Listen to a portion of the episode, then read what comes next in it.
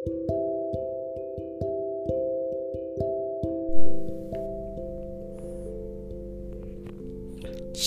Bapak Ibu Saudara-saudari yang terkasih di dalam nama Tuhan Yesus.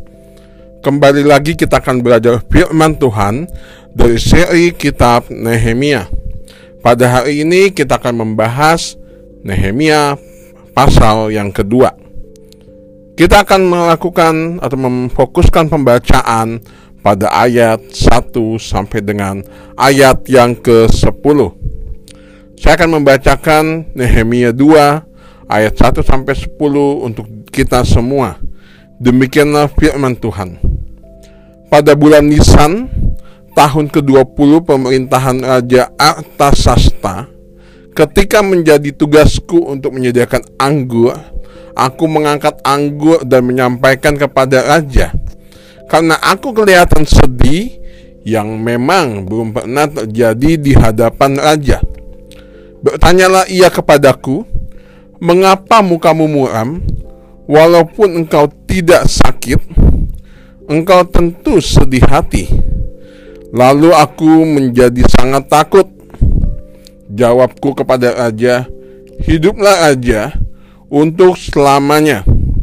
Bagaimana mukaku tidak akan muram kalau kota tempat perkuburan nenek moyangku telah menjadi reruntuhan? dan puing pu dan pintu-pintu gerbangnya habis dimakan api. Lalu kata raja kepadaku, "Jadi apa yang kau inginkan?"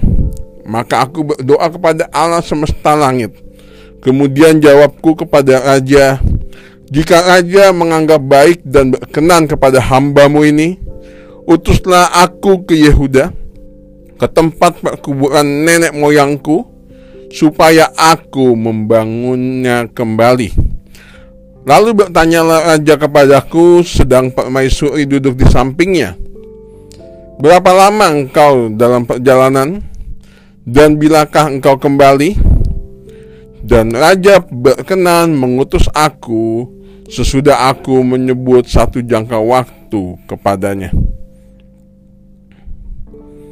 Berkatalah aku kepada raja jika raja menganggap baik Berikanlah aku surat-surat bagi bupati-bupati di daerah seberang sungai Efrat Supaya mereka memperbolehkan aku lalu sampai aku tiba di Yehuda.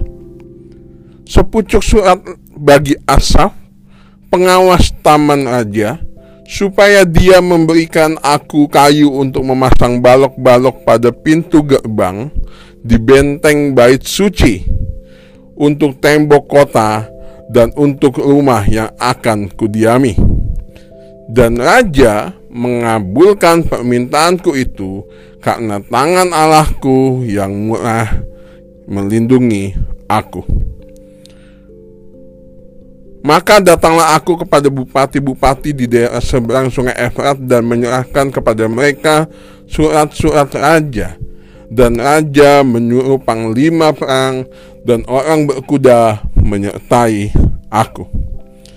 Ketika Sambalat, orang Horon dan Tobia orang Amon, pelayan itu mendengar hal itu, mereka sangat kesal karena ada orang yang datang mengusahakan kesejahteraan orang Israel.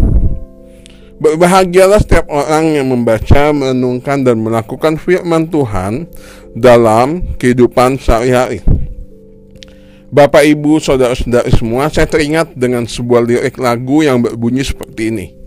Kau selalu punya cara untuk menolongku. Kau selalu punya jalan keajaibanmu.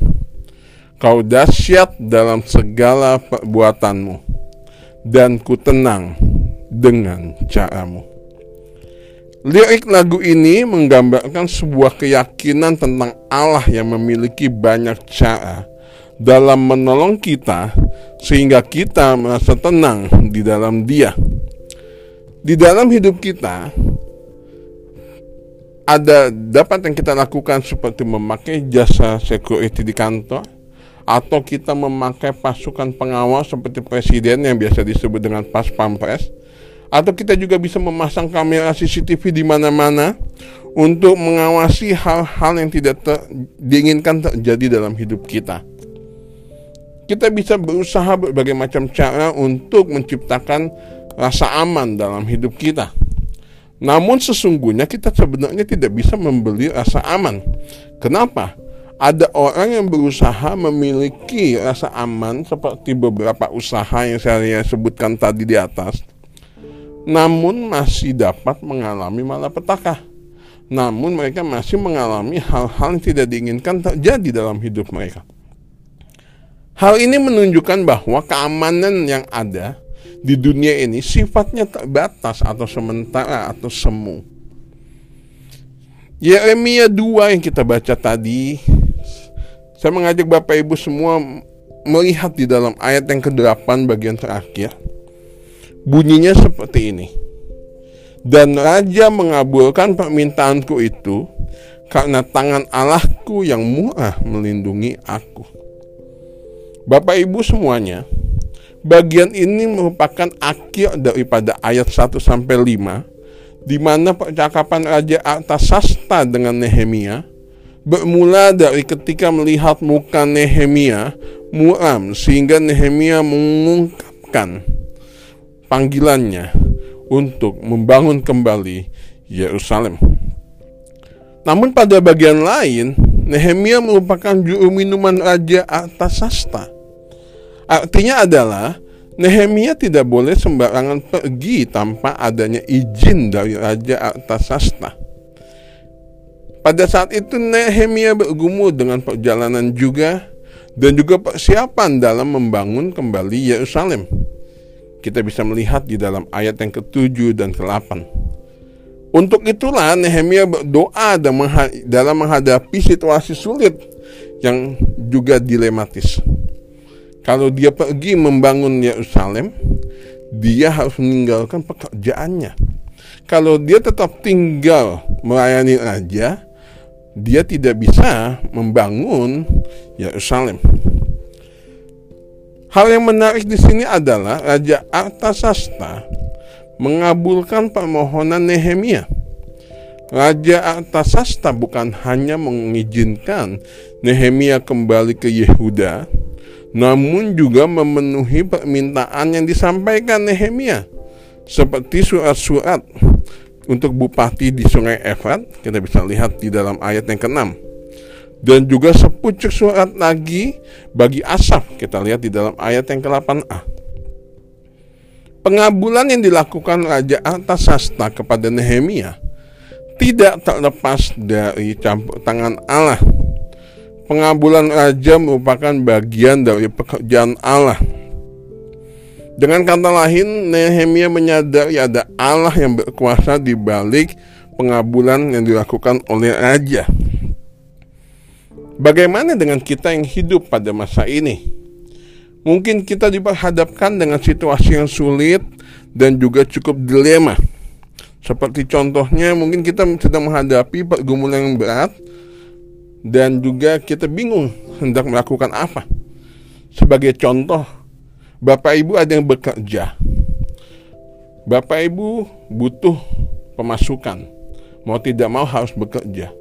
Namun pekerjaan Bapak Ibu mengharuskan masuk setiap hari, bahkan hari Minggu pun harus OT untuk harus lembur untuk kerja. Di satu sisi Bapak Ibu membutuhkan uang, membutuhkan pekerjaan. Tapi di satu sisi hari Minggu, Bapak Ibu harus ibadah bersekutu dengan Tuhan. Tentunya ada beberapa di antara kita cukup dilematis menghadapi seperti ini. Kalau saya ibadah, sering-sering kayak begini, bisa-bisa saya dipecat. Kalau saya terus kerja, lama-lama nanti saya nggak gereja, saya bisa jauh dari Tuhan. Mungkin hal sederhana ini seperti contohnya yang membuat kita bingung atau dilematis. Namun, Nehemia menjadi contoh yang tepat di mana ketika kita menghadapi kebingungan atau dilema, dia membawa masalahnya kepada Tuhan. Nehemia meminta hikmat dari Tuhan supaya Tuhan menolongnya.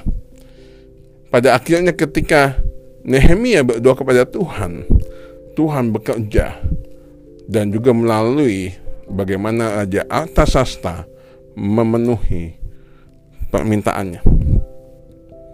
Bapak Ibu ini kasih oleh Tuhan, Nehemia menjadi contoh yang tepat di mana kalau kita memiliki masalah kepada Tuhan, memiliki masalah, mari kita datang kepada Tuhan.